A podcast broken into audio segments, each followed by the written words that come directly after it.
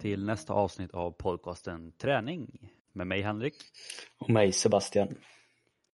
Dagens avsnitt kommer vara lite annorlunda. Jag kommer gå in lite mer på oss två kan man väl säga och lite hur vi tränar och lite upplägg och liknande. Så att idag kommer vi helt enkelt gå in på hur tränar man inför Vasaloppet? Hur tränar man inför SM i OCR? Kommer det ske några förändringar i våra upplägg ju längre tiden går så att säga. Så lite annorlunda avsnitt sagt, men vi kände att det kunde vara lite kul att få fram lite hur vi tränar. Det har vi gjort lite då och då, men jag känner att det var ett tag sedan nu. Och ja, men lite för vår skull också. Då... Jag, jag i alla fall känner väl inte att jag riktigt har full koll på hur, hur din träning ser ut just nu. Man följer lite då och då och, hänger, och är med på några träningspass med liksom hur en träningsvecka kan se ut. Så att även för mig kan det vara intressant att se lite hur, hur du tränar. Ja, väldigt. Det är ju så här vi har kontakt med varandra. Ja. Pratar i podcasten, bara, hur går det till för dig du Ranke? Ah, ja, okej. Okay. lite så. Ja, men det, jag kan väl tänka mig att vi, vi har ju haft det så här takt tidigare förut och min känsla, vi får se om det är författade meningar eller inte, men det känns som att jag har ändrat mycket medan du inte har ändrat så mycket sen sist vi pratade. Det är Nej. min känsla bara. Jag tror väl att eh, min största skillnad är väl i så fall tidsmässigt. Typ. Mm. Och då kanske jag pratar om väldigt tidiga avsnitt när vi verkligen gick igenom tydliga upplägg och kanske inte nu det senaste när vi har pratat mål. För nu det sista har vi ju legat ganska samma eh, än så rätt så länge, det får man ändå så säga. Så det ska bli intressant också att se att vi ändå så någorlunda eh, liknande eh, träningsupplägg tror jag. Men lite intressant att gå in på djupet nu som sagt och se faktiskt hur tänker vi? Är det någonting som vi tycker att så här måste man tänka? Eh, vi kanske har någon kritik mot varandra eller frågor eh, och förhoppningsvis så kan det komma upp några intressanta diskussioner om just träningsupplägg. Du tränar ju helt fel, hur tänker du? Jag har inte rätta vinklar. Du kör tio minuter för lång tid, du kommer skada dig. Nej, men sagt, det, det kommer vara lite kul att se och framförallt då jämföra. Och, det kan ju vara lite intressant för er som lyssnar att kunna jämföra med, med era träningsveckor ser ut, tycker jag. Ja, och förhoppningsvis kunna inspirera kanske folk att testa på eller ändra eller eh, ja, lägga till till sina träningsresor. Verkligen. Men jag tänker att vi, vi drar igång och jag tycker att vi börjar med, med ditt upplägg. Och vi har skrivit ner en liten lista här med olika punkter. Så att eh, punkt ett då, för att få en bra start på hur det ser ut, är ju liksom då dina träningsmål. Eller hur, vad du tränar för så att säga. Ja. Eh, så det är ganska nytt eh, det här. Jag har nog aldrig någonsin tidigare haft så här uppstyrt riktigt. Kanske möjligtvis när jag spelade handboll och man visste att det var handbollspass där, löpningspass där. Nu hade, då hade ju inte jag några koll men det var väldigt repetitivt på något sätt. Ehm, och många vet jag att jag kanske har lite svårt för det. Jag är väldigt hoppare i vad jag gillar att göra. Och det kanske kommer spegla sig lite nu på både mina mål och upplägget. Ehm, men jag, jag har börjat i mitt fina dokument så har jag självklart då börjat med mål för man måste ju veta vad man vill annars kan man ju aldrig komma dit. Så det jag skrivit upp först som mål det är att jag tycker att jag har tappat lite. Eh, även om jag hållit i det så har jag väl ändå så känt att jag har tappat lite både glädjen och fokuset i början av det här passet att träna. Eh, och det var väl att jag tyckte att det var så himla långt fram till att nå mina mål. Så det var egentligen, från först var det bara kom igång med att börja träna eh, och kosten. Och då gjorde jag ett upplägg för det helt enkelt. Sen så är det ju ganska självklart att när jag väl har kommit igång och klara med detta då är det till fokus är att ändra om fokus. Jag faktiskt skrivit dem. Eh, och det beror kanske lite mer på att jag har tidigare alltid haft ett fokus på att vara explosiv eh, så gott som du kan och även under väldigt länge tid styrkelyftmässigt. Det fokuset har varit mer att lyfta mycket och kanske inte tänka lika mycket på eh, konditionen och liknande. Eh, och det har varit väldigt viktigt för mig eh, just att kunna ha det fokuset, eh, vilket det var lite svårt att släppa det.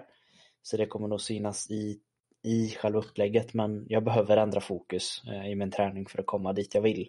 För i slutändan vet jag att jag kommer vara mycket nöjdare och klara av ett sånt här lopp än att kanske lyfta x antal kilo.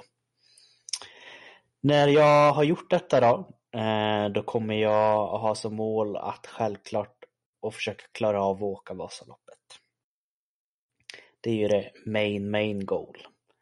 Och eh, några ytterligare faktorer för att jag ska kunna göra detta är ju de två sista målen. Och det är att ge mig optimala förutsättningar att klara detta genom att hålla mig skadefri eh, från nu fram till dess. Inom parentes, ta inga onödiga risker och egolifta inte. Alltså exempel eh, som jag tränat förut att köra en rep max och inte riktigt tänka på kanske att jag kan få ont i kroppen eller liknande utan bara lyfta så tungt som möjligt. Så där har vi både ett ganska tydligt mål tycker jag men också väldigt, som jag brukar kalla det, flummet öppet. Och det är väl det som är det nyaste i mitt upplägg just nu. En fråga. Mm. Jag vet att vi har pratat lite om det här eh, med en svensk klassiker och liknande. Mm.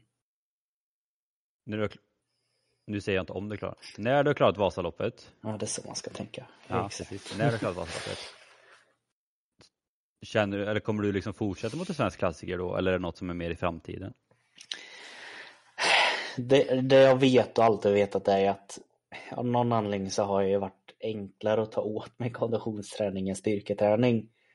Eh, vilket jag redan känner nu eh, och jag mår väldigt bra utav det jag tror sättet som jag tränar på nu kommer ge mig möjligheter att både kunna vara mindre, eh, ha mindre skador, bättre kondition och klara av sådana mer lopp och liknande.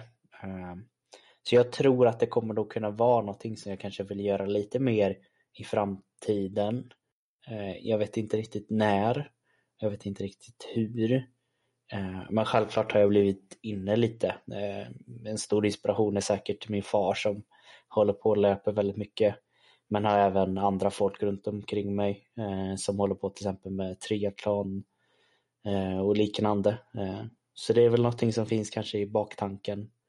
Så även gör och vara i optimal fysisk form inför polistester som jag också har nämnt här.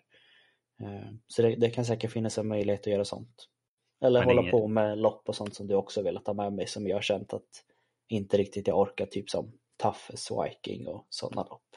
Nej, det får du, det får du fan hänga med på. Mm. Det är det viktigaste. Okej. Okay. Bra. Men eh, om vi går vidare på nästa då. Hur, hur ser en vecka ut? En typisk ja. Sebastian-vecka. En typisk Sebastian-vecka. Eh, man kan säga att det här träningsprogrammet eh, kommer sträcka sig ifrån eh, juni till eh, februari. Så det är ganska långt helt enkelt. så det har varit upplagt. Eh, under juni var väldigt speciellt. Det var i slutet av juni så där var det mer bara att försöka bearbeta in distanspassen igen. Jag har ju hållit i det ganska länge men bara få i det och få in träningen. Ta det lite som kom, har inte skrivit ner något, har bara skrivit in att gör så här många pass, välj lite själv hur du lägger upp det på två veckor. Eh, men sen så har vi gått in i juli eh, och här så eh, är det ett upplägg som egentligen håller sig ganska samma under hela juli månad. Eh, börjar med dag ett så ska jag göra ett distanspass. Eh, här är det ganska öppet eh, hur jag gör det, eh, vart jag gör det. Men eh, det som är målet är att jag ska göra ett distanspass som jag är aktiv i minst två timmar. Eh, och det är egentligen fokuset. Eh, tidigare har det ju varit kanske det här att ligga i en specifik pulszon. Jag har ju legat väldigt mycket i pulszon 2, bara försöka bygga upp ja, men liksom så mycket grund som möjligt. Just nu är det egentligen att bara försöka pressa mig. Jag vet att jag är ganska naturligt och kommer upp i pulszon 4 och ligger mer och försöker att förbättra det jag har jobbat upp.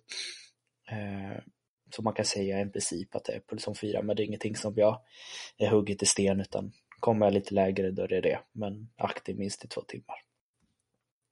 Eh, på den här första dagen så är det även inlagt att du ska göra någon form av rörlighetsträning. Eh, det får vara vad som helst men det ska vara i 30 minuter minst. Eh, hittills har jag gjort väldigt mycket yoga och andra rörelseövningar som jag kan göra hemma. Dag två så har jag ett styrkepass inlagt eh, med fokus på överkropp. Här så kommer det väl in lite då att jag har fortfarande lite svårt att släppa helt det här med styrkan och jag vet att skulle inte jag ha kvar någon styrka alls då skulle jag ganska snabbt tappa motivationen. Eh, men det är överkropp, egentligen styrketräning. Eh, man kan kalla det bodybuilding just nu, antagligen om en månad kanske det är fokus på crossfit. För mig spelar det inte så mycket roll, bara jag bibehåller en bra styrka. Eh, men huvudfokus kommer att vara att försöka få med mycket bål, mycket lats, rygg helt enkelt och även få med rätt mycket ländrygg här. Eh, för det är alla de tre är viktiga faktorer i längdskidåkningen för att kunna klara av det. Eh, sen tredje dagen så har jag ett eh, benpass inlagt. Samma där, just nu kanske det är mer fokus på bodybuilding-aktig. Men jag vet att det kommer att ändras väldigt mycket under tiden. Även här så är det fokus på att få in ländrygg och bålstabilitet. Har även på dag tre inlagt en fokus på rörlighetspass. Eh, även här på minst 30 minuter. Sen efter det har jag dag fyra. Då har jag mitt distanspass nummer två. Här är fokus på, jag har skrivit in eh, dö. Och tanken är väl det egentligen att jag ska även här vara ute i minst minst eh, en och en halv timme men det har väl blivit två timmar. Men här är tanken att jag vill ha två stycken riktigt höga pikar. Oftast när jag gör långa danspass så brukar jag ta mig till ett ställe, ta en liten vila och sen ta mig hem. Tanken är att sista biten på innan de här små, små stoppen så ska jag pressa mig maximalt. Skulle jag komma upp över pulsen, pulsen 4 så är det bra. Eh, det rör sig kanske om sista 10-20 minuterna i så fall eh, i varje. Så efter 40 minuter så pressar jag mig maximalt, får en kort vila och sen kör jag igen 40 minuter och sen pressar mig. Jag älskar den när man säger liksom här, att ja men pressa mig mot slutet, sista 10-20. ja, ja men det, det, är, det är lite annat nu mot kanske när man kör handboll och det är liksom några sekunder men här är det ju det verkligen att man måste ligga och verkligen pressa sig långt och det har ju varit länge sedan jag var i den här eh, konditionsformen. Det kanske var när jag var där 15-14 år och kunde verkligen pressa mig. Man, det är ju på ett sätt roligt som du också säger att det ligger puls om 4 för man får känna att man får jobba lite.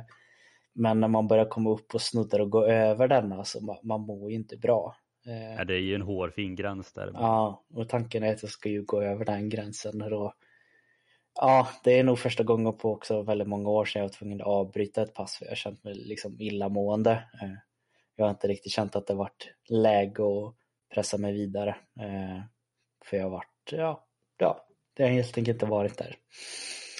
Eh, sen kommer dag fem.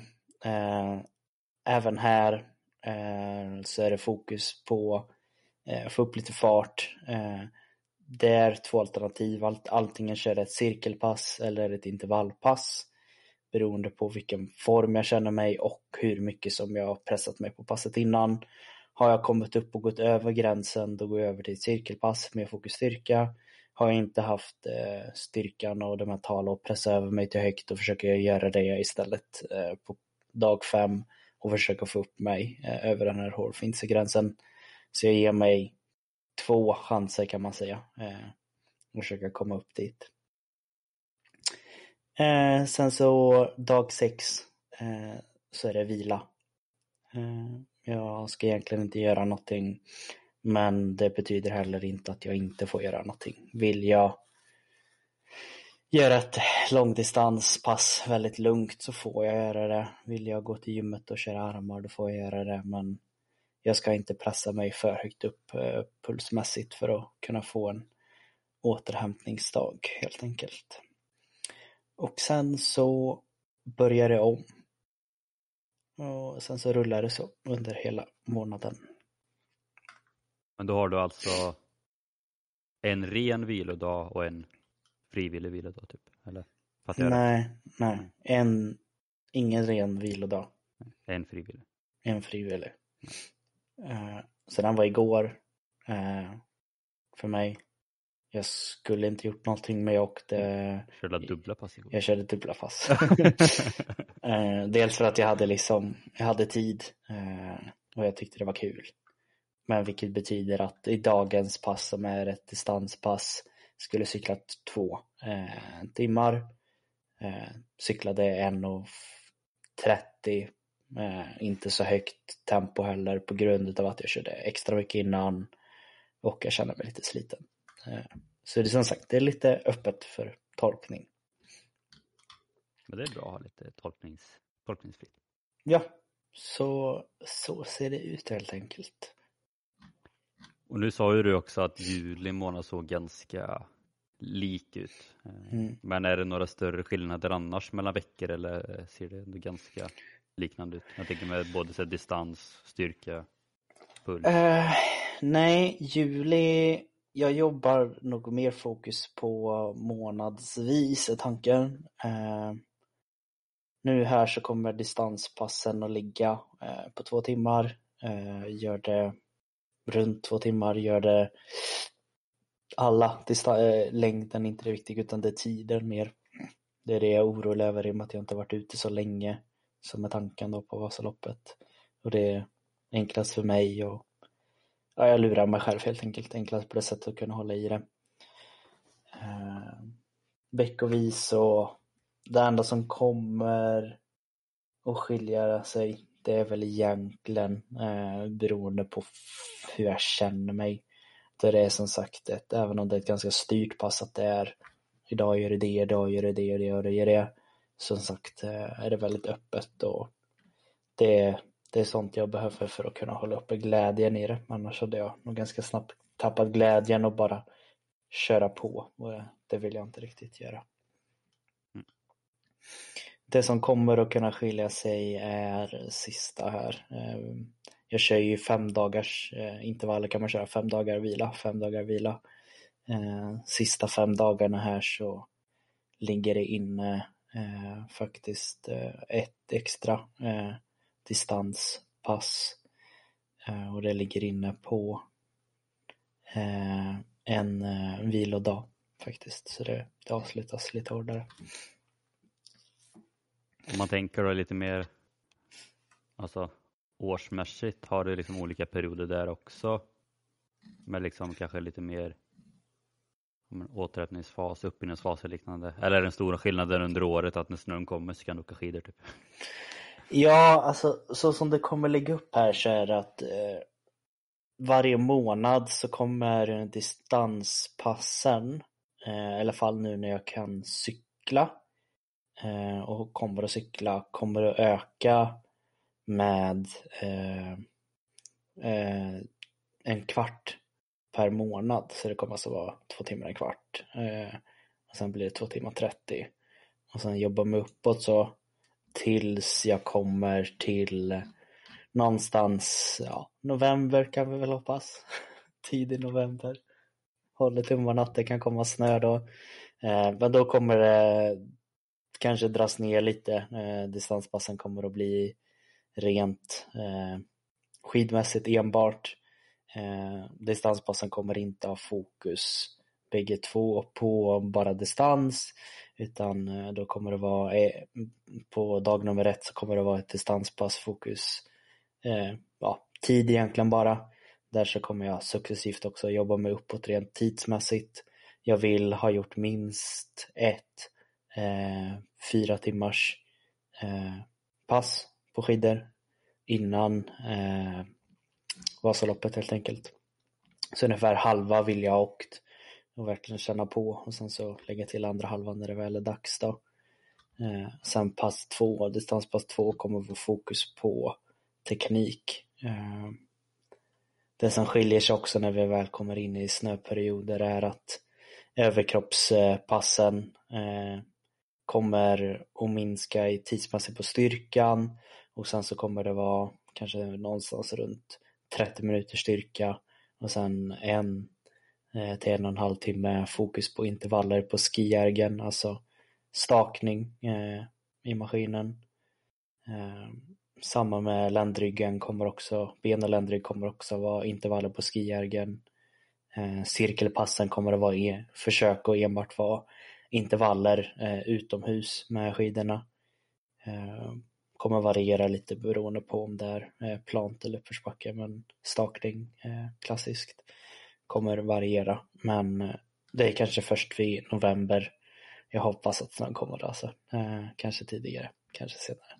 Men det är först då det kommer ändras ganska drastiskt och i slutet där så kommer det också nog dras ner ganska mycket på styrketräningen och lägga in mer fokus på just teknik, teknik, teknik. Då är det det jag behöver mest. Det är det, det är det som är det jobbiga liksom. Eh, just det när man, man vill ha snön, att man, man vet ju liksom aldrig om det har man tur kommer det tidigt, har man väldigt otur så tar det jättelång tid innan konstsnön drar igång. Liksom. Ja. Men jag hoppas och eh, tror ganska starkt på att eh, vi i Skövde kommer ha väldigt bra förutsättningar för mycket snö. För du får rätta mig om jag minns helt fel, men jag har för mig att vi ska hålla SM. Stämmer. Ja. SM-veckan. Eh, SM-veckan. Så vi kommer ju ha snö. Det har preppats mycket. Det har sparats mycket snö. Det har rustats upp. Jag tror snön kommer komma eh, ganska tidigt i år. Eh, tidigare än tidigare år i alla fall och kommer ge möjligheter till eh, välja bra förutsättningar att kunna åka faktiskt tror jag. Det, vi får hoppas på det om inte annat. Men det, som sagt, det var ju väldigt bra, eh, bra spår och snö i år. Eller Ja. vintern som var. Så att vi Och hoppas jag på, tror det kommer kunna bli liknande eller kanske till och med bättre. Ja, mycket hänger bara på att det behöver vara lite, lite kyligt. Men Ja, det känns, alltså med tanke på hur sommaren har varit så kan vi hoppas att ky- kylan håller i sig eller vad man ska säga. Det har inte varit Ja. en stekheta sommar som vi ändå brukar vara vana vid. Så Nej, jag tror det kan bli bra. det tror jag också. Annars får köpa rullskidor. Nej, det blir det inte. Men eh, vi får se hur jag läser det. Det löser sig alltid till slut. Annars får du säga träningsläger i Torsby eller någonting. Ja, det, i värsta fall får man kanske göra något sånt och försöka få in timmar på andra sätt helt enkelt. Kanske bara köra ett distanspass i veckan men det är kanske längre. Man kanske är ute i fyra timmar men kanske kör två timmar, någon lunch och sen två timmar igen. Eh, Före får se. eftermiddag. Ja. Nice.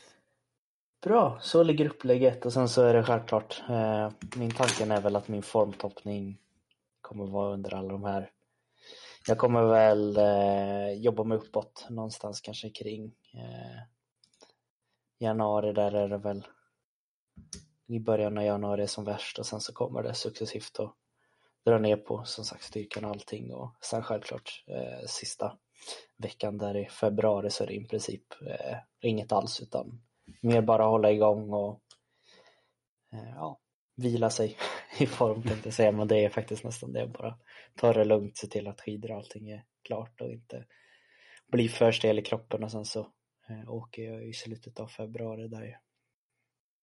Tufft i januari, lite lugnare i februari. Japp. Kul att se fram emot. Ja. Hur eh, ser det ut för dig då? Har du några mål här nu inför din, eh, din lilla tävling i SM som du gärna vill komma till? Ja, alltså det roliga med, även jobbiga med mina mål är att jag har ju nämnt tidigare, alltså egentligen ända sedan Alltså det började ju egentligen när du och jag var där på Extremfabriken i Stockholm eh, och testade deras hinderbana.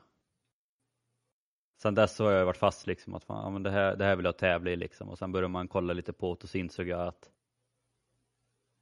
det var inte jätte, alltså där och då var ju inte det kanske den svåraste sporten att kvala in till till exempel EM i. Mm. Vilket gjorde att jag kände att det kan vara lite mäktigt. Så att eh, jag startade en satsning mot eh, EM i OCR och sen eh, hann jag väl träna i typ tre månader innan det, det här viruset kom och allt ställdes in under i stort sett två år. Eh, så motivationen och allt sånt har ju varit liksom lite fram och tillbaka och träningen har också varit väldigt fram och tillbaka liksom så att att gå från att vara, kanske vara i sin bästa form till att gå och vara typ i sin sämsta form har inte varit jättekul. Eh, men sen så hade jag ju praktik på ett träningsställe nu i vintras eller under våren. Eh, och då kände jag väl igen liksom att men nej, jag har ju aldrig gett en chans liksom.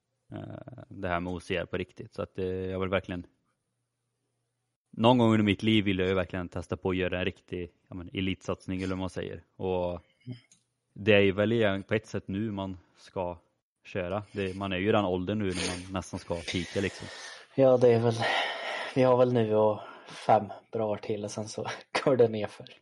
Ja, lite så. Så att eh, jag har väl egentligen fortsatt kvar det målet lite med det har varit kul att någon gång i alla fall få tävla i, i EM och sen så har jag även lagt till nu ett litet mål med, för de har ju börjat med sprint-SM i OCR. Så det har väl varit det som jag har haft lite ögonen på i år att satsa på fast ändå inte ja, att försöka gå långt utan det är väl ja, men lite som för dig med Vasaloppet att egentligen bara klara av det, se lite hur man ligger till typ för att i så fall mm. inför nästa år kanske vara med och tävla med på riktigt.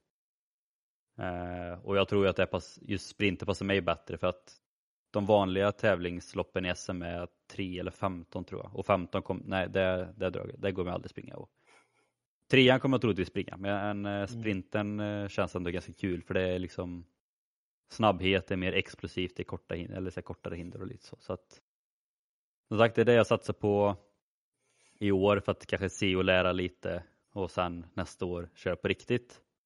Eh, men kort och gott kan man ju nästan säga att alltså hela det här året 2022 har varit lite som en reboot för mig. Alltså att börja om från, börja om från ruta noll, liksom gjorde tester, började med träningsprogram och allting och liksom bara, men verkligen börja från noll och jobba sig framåt så att det inte blir det här att man man tror man är i den formen man var för tre år sedan och så fortsätta därifrån. För det funkar inte riktigt så utan börja om från noll och sen bygger man upp sig och sen förhoppningsvis då om ja, men nästan ganska exakt ett år förhoppningsvis vara i sitt livsform.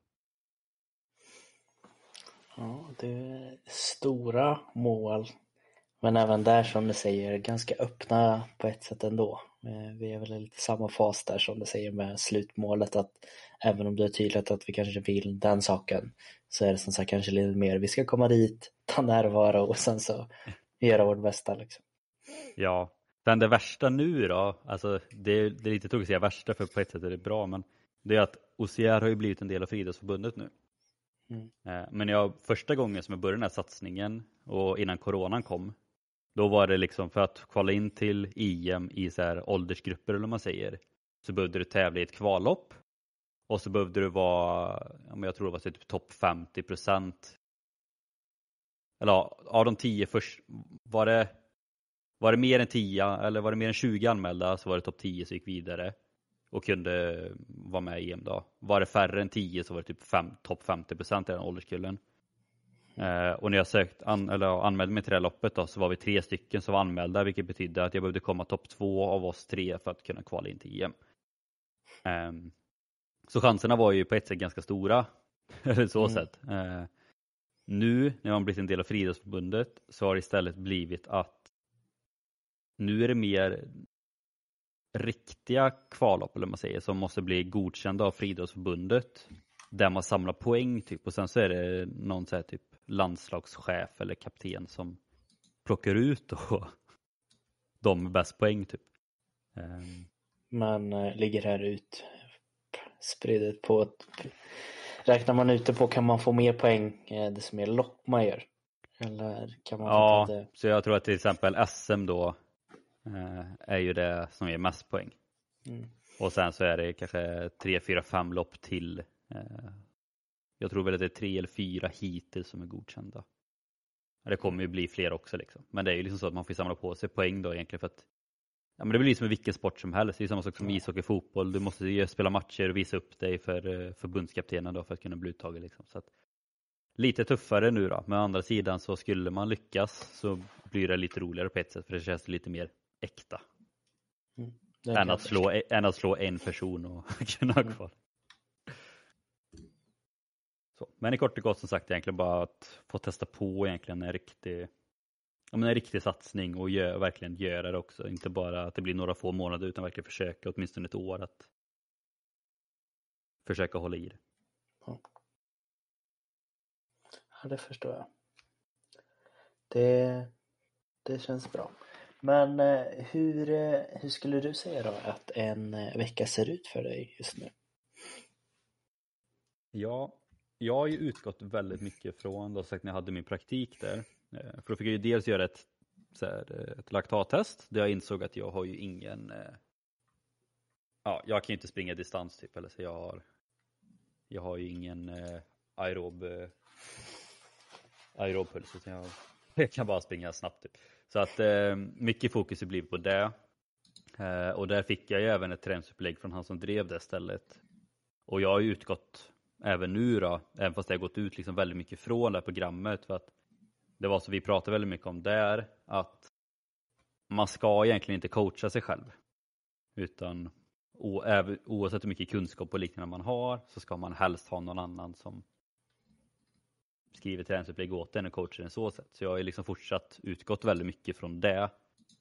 Just för att vi gjorde ju det för att jag skulle satsa. Och alltså har jag liksom valt att fortsätta med det för att jag ansåg att det funkar bra, det kändes bra och jag vet exakt hur det ska stegras och liknande. Um, så en vecka för mig ser ut så här. Måndag, vila, börjar starkt. eh, men det var så vi sa, måndag, fredag la vi som vilodagar.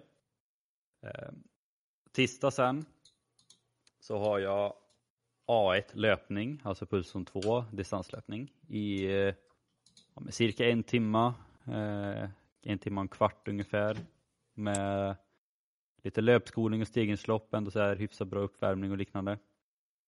Um, men samma som Sebastian sagt, distansträning är viktig framförallt om man ska hålla på länge. Alltså även om jag kanske siktar lite mer just nu mot, mot ett sprint-SM så kroppen behöver ju fortfarande de delarna. Även om man kanske inte springer jättelänge under ett sprintlopp så är det fortfarande bra med ja, men, grejerna man får utav den sortens träning. Um, så så är det, tisdag som sagt, distans, lugnt. Onsdagar, Eh, något form av eh, intervallpass. För tillfället så försöker jag få in eh, backintervaller på den dagen. Och just för att egentligen jag tycker att ja, men det jag tycker att det är typ härligt. Det är återigen det här hemsk härliga, eller vad man ska säga. Eh, men samtidigt tycker jag att man får bra effekter av det. Jag tycker att man får även liksom styrketräning av det. Man får lite explosivt av det. Det, man får med mycket mentalt av det. Vilket jag tycker är bra. Så det senaste nu har jag kört väldigt mycket,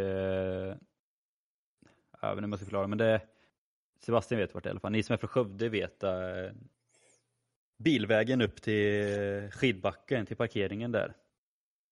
Att börja där nerifrån och så springer man upp till parkeringen. Det tar cirka två minuter liksom och så kör man den ja, jag brukar köra runt åtta gånger. Brukar vara, bli ett bra pass liksom. Men, mm. Ja, med backintervaller runt en och en halv till två minuter i alla fall just för att få det här, komma upp i puls, verkligen känna att man måste bita ihop också. Ehm, sen vissa pass kan jag ibland lägga in också, att jag kör lite sprinter i backen på slutet också för att få med lite mer explicit också. Ehm, backintervaller har varit väldigt mycket det senaste.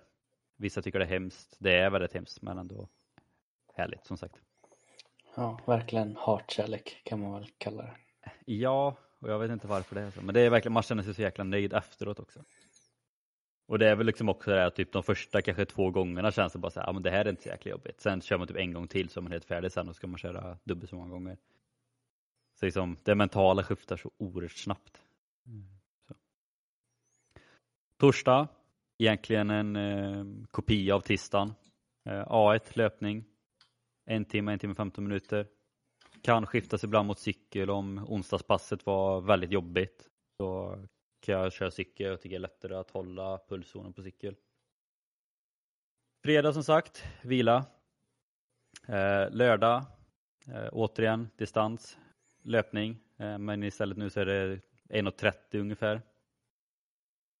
Där det ofta är mer liksom löpning, där det är platt och utför, så kanske man går ner och kör lite mer gång uppför för att minska belastningen lite om det är stora backar och sånt. Och sen söndagar så är det återigen 1.30 eller två timmar fast då är det cykel istället. Eh, så i nuläget så ligger väl mina veckor ungefär på ja, men kanske 6 till 7 timmar eh, konditionsträning. Eh, för att ändå få hyfsat mycket volym på det. Och som sagt, det är egentligen bara ett intervallpass för tillfället. Resten är distans. Och sen när det kommer till styrka och rörlighet så är det att eh, rörlighet försöker jag få in eh, lite då och då. Framförallt och kanske lite i uppvärmning och liknande. Styrka försöker jag få in liksom ett par dagar men det är inte som Sebastian så lägger liksom med enskilda pass utan jag kör liksom lite mer jag hade en period där jag körde lite det här 50-50-50, så vi satte upp i något avsnitt. 50 armhävningar, 50 staps och 50 squats till exempel. Bytt ut ibland mot till exempel eh, biceps curls eller axelpress och liknande. Sen håller jag för tillfället på att bygga ett litet, eh, en liten klätterställning kan man väl säga hemma med kinstång och lite handtag och lite rep och liknande så jag ska kunna klättra lite. Eh, och det kan även bli ibland när man kör de här distanspassen liksom att hittar man någonstans att klättra lite på så kan man eh, klättra lite där. Så att det, min styrka blir liksom lite mer involverade styrka ehm, mer än liksom utsatt utsatt så eh, mm. för tillfället. Och det, det är lite blandat. Ibland kan det vara gött att köra liksom rena styrkepass och det har jag ibland också kanske lite mer benfokus. Men samtidigt är det rätt gött att ha de här liksom lite om sagt, mer klättra, mer kroppsvikt och köra liksom lite då och då. Det känns som att man ändå får ut väldigt mycket av det. Ja, och alltså kollar man målsmässigt då är det ju det du ska göra. Det är inte kanske riktigt läge för dig att lägga på dig massor med extra muskler liksom och ha att bära på. Nej, men det är ju det som är svårt för att samtidigt man vill ju liksom känna det här brutala träningsverken, lite som vi pratade om förra avsnittet med oxidationsband. Liksom. Man vill ju på ett sätt mm. känna liksom, den träningsverken. Och det är klart, mer överkroppsstyrka går ju att köra, men man vill verkligen inte ha den träningsverken i benen om man ska gå ut och köra löppass i en och en halv timme. Liksom. Nej, då blir det lite annat fokus helt plötsligt kanske. Ja. Så att eh, så ser min vecka ut och som sagt egentligen väldigt enformig på ett sätt när det ändå är ja, men, fyra distanspass och ett intervallpass. Men eh, det är det jag behöver och jag har typ aldrig kört så innan det här året så att på ett sätt är det rätt gött och framförallt nu när det är så jäkla varmt så är det rätt gött att bara kunna gå ut och chilla på ett sätt. Ja, men det, det förstår jag verkligen det. Och eh, hur skulle du säga då att det det kanske inte skiljer sig jättemycket i veckorna eller hur skulle du förklara skillnaden mellan dina veckor? Det som kan skilja är ju liksom att eh, vissa veckor så lägger jag på eh, två intervallpass istället. Då kanske jag kör intervaller på tisdag, torsdag. Eh, och någon vecka lite då och då, kanske en vecka i månaden eller var femte vecka eller någonting, kanske jag kör tre intervallpass. Eh, för att få med det. Dels för att jag behöver få med det också så att jag inte tappar bort det, liksom jag glömmer bort det och sen Dels är det också helt beroende på ja, men hur veckorna ser ut och lite hur man mår och liknande. Att eh, ja, men, ja, idag kanske jag inte har tid att köra löpning i en och en halv timme. Ja, då kanske det är bättre att gå ut och köra ett tre gånger tio minuters pass i pulsen fyra eller något liknande. Så att eh, det är väl typ det som skiljer sig egentligen att jag ibland går upp på två och ibland tre eh, intervallpass i veckan. Och sen är det ju återigen lite så för dig också då, att det blir ju såklart en eh, stegring i tiden också ju längre man kör. Det är väl inget jag ökar jättemycket just nu men det är kanske vissa veckor kanske jag kommer upp mot åtta timmar eh, och vissa är som sagt sex timmar. Sen är väl målet att, ja, men att ja, men i framtiden komma upp och kunna köra runt 10 timmars konditionsträning i veckan. Vilket är väldigt mycket. Men eh, ska man till eliten så behöver jag typ komma upp i den i de timmarna för att få den volymen som krävs. Så att det är det som jag har lite svårt med för tillfället, att komma upp mot topptimmarna. För det testade jag, fick jag testa på lite under det träningsprogrammet jag fick av eh, min handledare på praktiken. Då. Och det är en jävla skillnad att köra åtta timmar och tio timmar. Det, det blir en skillnad och jag är också lite orolig däremot min, min toppningsvecka är också uppe någonstans där. Och då får man också tänka det kanske gäller både dig och mig men jag vet inte hur mycket du kommer att bibehålla det men vi har ju bägge två börjat med handboll också. Eh, som ska på något sätt läggas in i denna träningen och det, det ska bli intressant att se hur den ska passa in liksom. Ja, man märkte ju det på träningarna framförallt, framförallt för mig som spelar kant också. Det, det blir ju verkligen intervallträning om något. Ja, eh, lite så har jag också tänkt att indirekt så skulle jag kunna ta, eh, nog nästan ta bort ett intervallpass eh, i veckan eh, om jag vill minska på det eller bara tänka att det är ett handbollspass. Det är ytterligare ett intervallpass som ger mig x antal eh, minuter eh, istället för att försöka klämma in det någon annanstans. Liksom. Eh, så det är väl samma där både för och nackdel med att det kommer ligga lite där. Jo, men mycket, mycket kommer ju verkligen handla om att bara det som Nils van der Poel pratar om, att verkligen så här, lära känna sin kropp. Mm. Känns det bra så är det bara att fortsätta köra. Känner man liksom att nu är kroppen seg, då kanske man får ta bort något pass eller byta ett annat intervallpass mot distanspass eller löpning mot cykel eller liksom liknande. Så att det, det, det har jag känt redan nu bara, liksom det här med att ju längre man har kört nu under året, jag i alla fall är verkligen lärt känna min puls framför allt. Alltså jag har blivit fått väldigt bra koll på när jag känner liksom att om nu ligger jag på gränsen till pulsen 3, nu ligger jag på gränsen till pulsen 4 och nu ligger jag på gränsen till pulsen 5. Och det tycker jag är en jävligt härlig känsla på något sätt att ha. För det blir så här, om man glömmer man pulsklockan så vet man ändå på ett ungefär. Eller så vet man liksom redan när man springer liksom att bara, men nu måste jag sakta ner eller nu måste jag öka lite. Och det, jag vet inte, det är en ganska typ, häftig känsla att ha. Att man typ vet, känner vilken puls man har. Det är typ andningen bara. Mm. Ja, det är väl det som eh, är som sagt det extra steget upp liksom. Att man, man har den förståelsen över sin egen kropp. Eh, som du säger, för det är klart att man kan alltid gå och snegla ner på den där klockan, men det gör man inte utan man springer ju mycket tid också egentligen bara på ren känsla. Och desto bättre den känslan är mot zonerna, desto mer effekt kan man ju faktiskt få. Verkligen. Så att, eh, ja men det är väl det som har varit det roligaste hittills, att man har känt sån, sån skillnad. Förstår. Men eh, hur ser det ut rent årsmässigt för dig då? Är det någonting som kommer att ändras? Eh, någon toppning där och eller hur ser det ut där? Ja men sagt, hittills under året så har det varit i stort sett exakt samma upplägg. Väldigt mycket distans och det kommer det väl egentligen vara hela tiden för att även om jag går upp i timmar så kommer ju fortfarande procentmässigt distans vara lika mycket.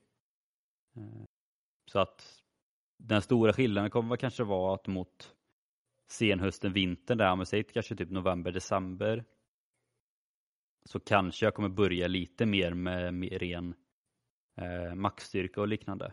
Mm. Men kanske en liten uppbyggnadsfas att ja, men i början av hösten så kanske jag kör lite mer eh, Eh, muskelbyggande. Eh, jag vill ju ändå upp mot 70 kilo för det känner jag att det är en ganska optimal vikt för mig känner jag, för att göra det jag vill göra. Och sen har jag kommit upp då mot 70 kilo så kommer jag väl börja köra som sagt väldigt mycket maxstyrka, explosiv styrka eh, och kanske då försöka komma upp mot de här 10 timmarna. Eh, och så under vintern kanske det blir ännu mer distansträning och sen då ja, ju längre in på 2023 jag kommer så kommer det att bli mer eh, intervallmässigt. Så att eh, jag tänker kanske att från och med mars nästa år, februari kanske någonting, eh, lägga in verkligen mer eh, tröskelträning framför allt. För det, då har jag ändå legat ett år och nästan bara nötat eh, som sagt pulszon 2 träning. Och då ska jag ha så pass bra grund så jag ska kunna slipa på eh, tröskelpulsen. För det är också, den måste också ner ganska brutalt mycket om jag ska kunna vara med och tävla på riktigt. Eh, så det är egentligen det då att från och med 2023 kommer det vara mycket mer fokus på att ja, men, få ner miltiden och ja, få förbättrad tröskelpuls. Så att eh, det är ändå lite skillnader som kommer bli. Så att, eh, vilket också kommer vara väldigt kul.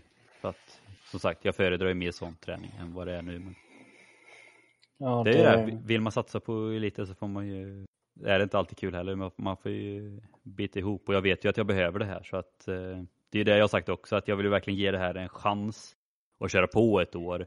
Och känner jag sen efter nästa år liksom att bara, nej men det här var inget för mig, ja men då har jag testat det i alla fall.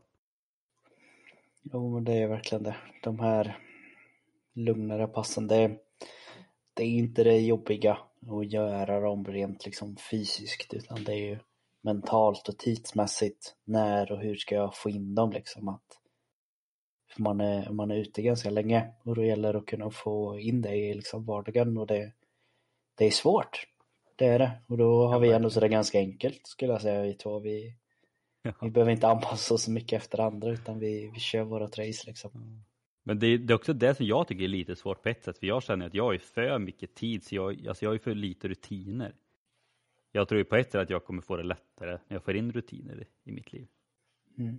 För då blir det också så här, för det är det som är det svåra nu, alltså så här, med de här distanspassen, att det, den, alltså, vara ute och springa en timma, det är egentligen inga problem, det är bara gött. Men 1.32 timmar, alltså två timmar är dubbelt så långt, det är klart att det blir timme 1.30, det är ju inte jättemycket längre än en timma. Men det är så jobbigt mentalt. Mm. En timma går ändå rätt snabbt nu för tiden. Men samma sak en timme och en kvart, så fort det blir längre än en timma så är det går tiden så långsamt. Ja, alltså det, när var det vi började, att jag började göra de där en timmes passen. Det var ju ändå så ett tag sedan nu som när jag satt på min cykel och jag, då så, nej, en timme där är det dödstråkigt liksom. Nu har jag ändå så kommit upp att två timmar, det går ganska fort ändå.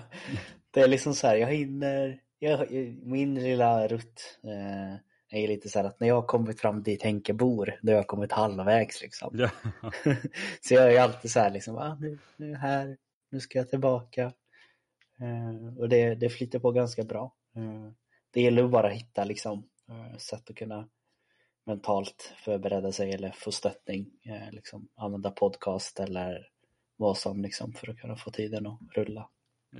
Men det är ju, jag tänker mest så här, det är ju i typ kanske oktober där, oktober, november. Det kommer att vara de tuffaste månaderna. För då är både du och jag hade kommit upp så pass mycket i tid så vi har ganska mycket längre distanspass. Men det är också då det är som värst väder så de här cykelpassen är inte jättetrevliga. Men man vill ju inte sitta och köra ett två timmars eller ett tre timmars pass kanske för dig inomhus. Liksom. Så att det kommer vara väldigt intressant att se hur det blir. Ja, faktiskt. Eh, men hur skulle vi säga då är största skillnaden mellan oss två? Jag skulle väl säga att den största skillnaden är att du har ju mer utsatta styrkepass. Mm. Men dels också för att du säger ju själv att du vill ju ha det, eller du måste ju ha det för motivationens skull. Det behöver inte jag på samma sätt.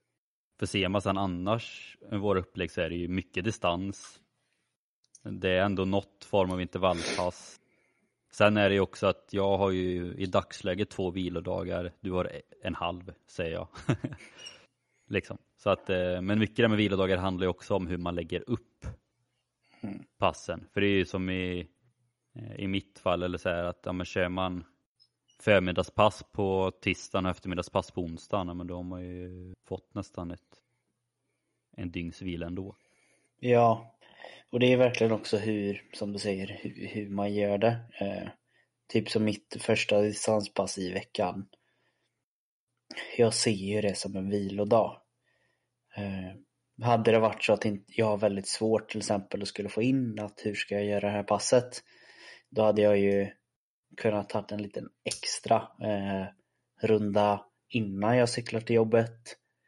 Och sen en liten extra runda när jag ska hem från jobbet. För då kommer jag inte så upp till den, den tiden liksom. Eh, så det är ju så här hur man lägger in och hur man tänker vilodagar är ändå. Jo, men det blir ju lite hur bra tränar man är, eller man säger liksom, om dina riktiga distanspass är upp mot två, två och en halv timme och så kör du bara en timme en dag och då, då blir det som en vila för att du kommer inte mm. upp i den belastningen. Liksom. Det blir ju aktiv vila. Ja, lite så. Men, eh, så, nej, men sagt, det är väl egentligen styrkan som är den stora, stora skillnaden egentligen. Jag hade också sagt det att eh, det är det. Eh, det är väl också så här. Jag, jag vet ju att jag, jag tappar ju mycket sånt som jag hade behövt. Eh, jag hade ju gärna velat ha in kanske ett distanspass till i upplägget.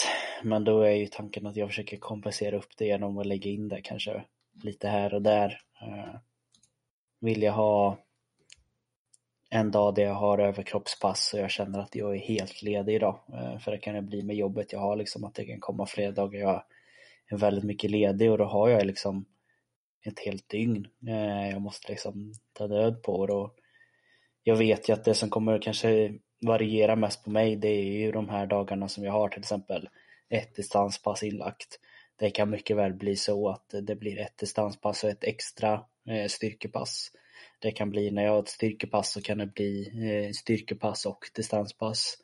Ehm, så det är väl där som jag tror det kommer att eh, kanske flexa lite mer för mig att jag kommer köra lite dubbelpass på dagarna och, och sen är det väl självklart också det skiljer sig med att det, det är ändå så olika saker som vi satsar emot. Ja.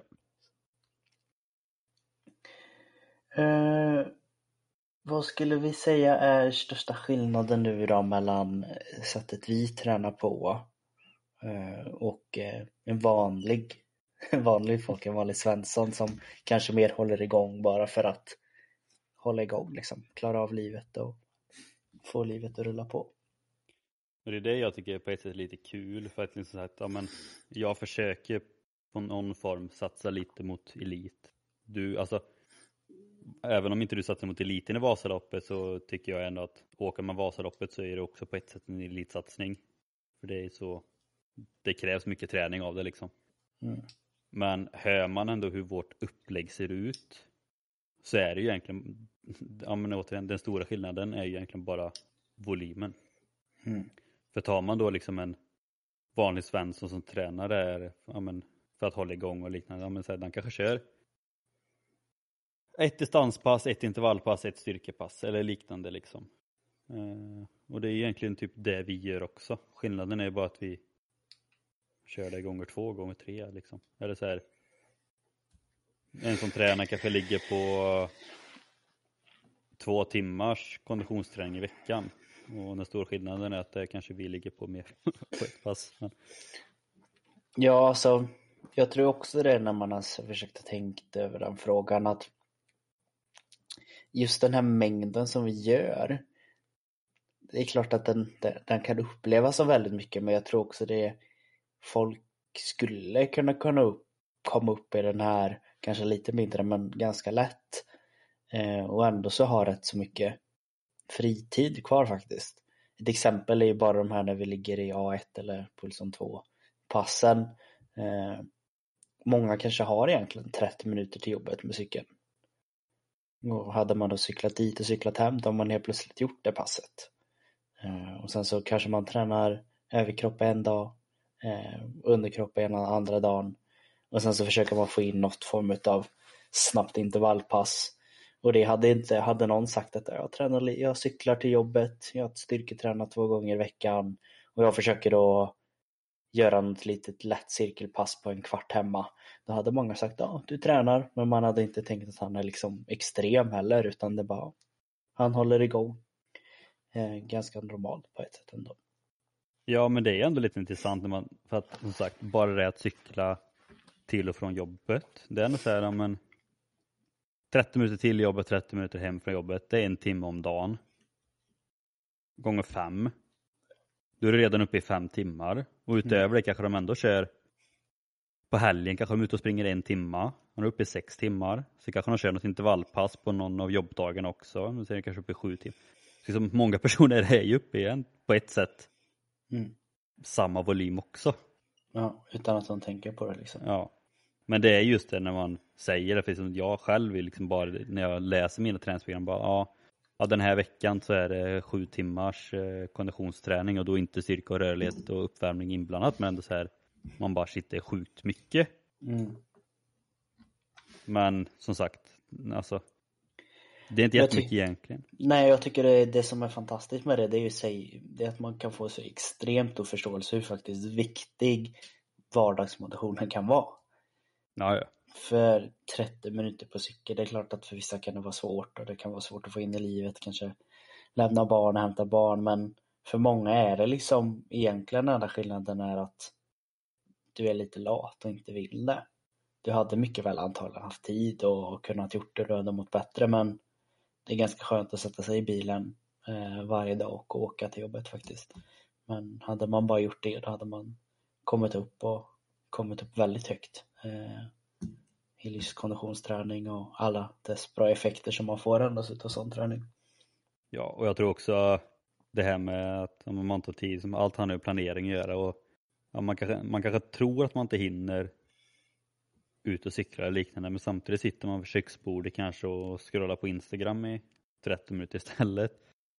Det vet jag ju själv liksom bara egentligen på ett sätt hur mycket tid man lägger ner, typ kanske framför Youtube, framför mobilen, Instagram, Facebook eller så här. Eller ibland när man bara, bara typ sitter och tittar ut i intet och inte gör någonting eller så här. Allt har ju med allt har ju med planering att göra och går det att kapa någon minut här och där så går det ganska snabbt att hitta de minuterna. Men det verkar svårt men jag tror att så här, vill man bara så löser man det ju. Ja, jag har sagt det förut, det handlar enbart om eh, prioritera. Eh, Du har tid att träna. Det är bara att du inte har valt att prioritera det helt enkelt. Sen är det också viktigt att bara lyfta att all tid ni tränar är bättre än all tid ni inte tränar. Ja, är det något mer som vi vill skicka med kring detta? Nej, jag vet inte. Alltså, det man kan säga är väl på ett sätt att var inte rädda för att träna mycket så länge ni vet hur ni ska träna. Alltså vi, man pratar ju ofta väldigt mycket om det här med att eh, hinna återhämta sig, vilket är väldigt viktigt och allt sånt där. Men som sagt, de här Pulson 2 eller A1 passen, alltså man kan ta rätt mycket tid i dem utan att belasta sig allt för mycket. Och Mm. kroppen vänjer sig ändå ganska, ganska snabbt med det. Eh, Ja, men att se det som ett återhämtningspass faktiskt. Det är inte så att du inte vill cykla till jobbet för att du har en vilodag utan du ska ändå så ta dig och du tänker ingenting av det. Eh, Har man fått in samma mentala grej kring de här längre passen så är det ju i princip samma sak. Och annars vill väl jag egentligen bara lyfta just det här med som sagt ett På ett sätt känns det konstigt att säga ett varierat träningsupplägg med tanke på att både du och jag har, frukt, har ju typ så 80% distanspass men det är för att det behöver vara det. Men det, det jag menar är ju att på ett sätt typ att oavsett vad du håller på med glöm inte bort de här långsamma passen. Alltså oavsett om du håller på med något mer, kanske mer explosivt eller om du håller på med fotboll. Eh, jag vet framförallt att lagidrotter är fruktansvärt dåliga på att hålla på med just den här lugna träningen. Men egentligen oavsett vad du håller på med, få med lite lugn träning, få med lite intervaller, både tröskel och eh, hitintervaller, få med styrka, både underkropp, överkropp, bål, rörlighet. Det behöver inte vara jättemycket, men det kan bara vara samma sak när du lagar mat. Ja, men kör lite armhävningar, kör lite rörlighet. Det... Försök få med så mycket det går i alla fall. Ja, och med de orden så gör vi väl som vanligt, tänker jag, att vi tackar för oss och tackar dig som lyssnar även denna veckan. Eh, förhoppningsvis fick du med dig kanske lite tips på hur du kan eh, få in eh, lite konditionsträning i Pulson 1 eller A1-passen genom att cykla till jobbet. Eller så kanske du blev inspirerad och börja få in lite rörlighet som både jag och Henrik försöker att få in Eh, lite här och där. Eh, eller så kanske det är så att även du eh, tänker om och vill börja med OCR eller kanske satsa mot att åka Vasaloppet någon gång. oavsett vad det är så har vi ändå så också fått en lite större bild utav att eh, den här vardagsmotionen är otroligt viktig. Eh, så är det något du ska ta med dig så kanske det är det och variera, och variera som Henrik sa där. Och det kan jag också lyfta att om du är en som vill börja med OCR eller om du redan håller på med OCR så skriv till mig för Sebbe vill inte tävla eller springa med mig så att eh, jag tar gärna emot någon som vill haka på. Jag tyckte jag var tydlig med detta. När jag var klar med allt det här då ska jag ju få den formen att jag kan göra lite vad jag vill. Så ja, du får vänta till efter februari då. Du får vänta ett år. Ja, vänta ett år. Nej, men annars eh, är det väl som vanligt då. Vi, vi hörs nästa vecka helt enkelt. Det gör vi. Ha det gott.